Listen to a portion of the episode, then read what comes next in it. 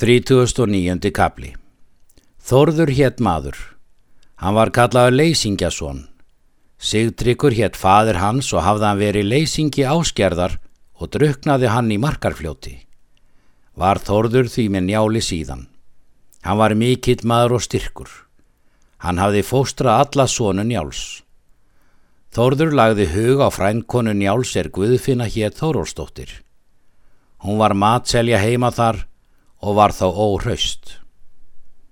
Berþóra kom að máli við Þórð Leysingjason. Þú skalt fara, segir hún, og drepa Brynjól frænda Hallgerðar. Engin er ég vígamaður, segir hann, en þó mun ég til hætt ef þú vilt.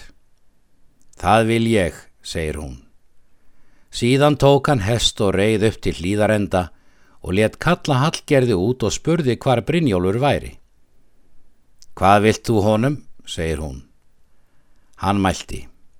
Ég vil að hann segi mér hvar hann hefur huli hræ alla. Mér er sagt að hann hafi illa um búið. Hún vísaði til hans og hvað hann veri í akratungu niðri.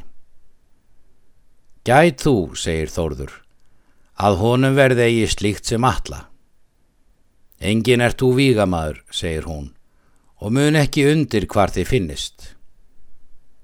Aldrei hef ég séð manns blóð, segir hann, og veit ég eigi hversu mér bregður við, og hleyfti úr túnunu og svo ofan í akratungu. Rannveig móður Gunnars hafði heyrt á viðurtal þeirra og mælti. Mjög frýr þú hallgerður honum hugar, en ég ætla hann örugan mann og mun það frændi þinn finna. Þeir mættust á förnum vegi Brynjólfur og Þórður.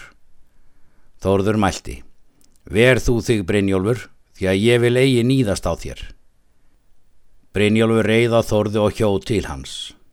Þórður hjó í mót með öksu og í sundur skafti fyrir framann hendur honum Brynjólfi og hjó þegar í annað sinn til hans og kom framann á bringuna og gekk þegar á hól. Fjell Brynjólfur þá að baki og var þegar döður. Þórður fann smalamann hallgerðar og lísti víi og höndsér og sagði hvar Brynjólfur lág og bað hann segja Hallgerði víið.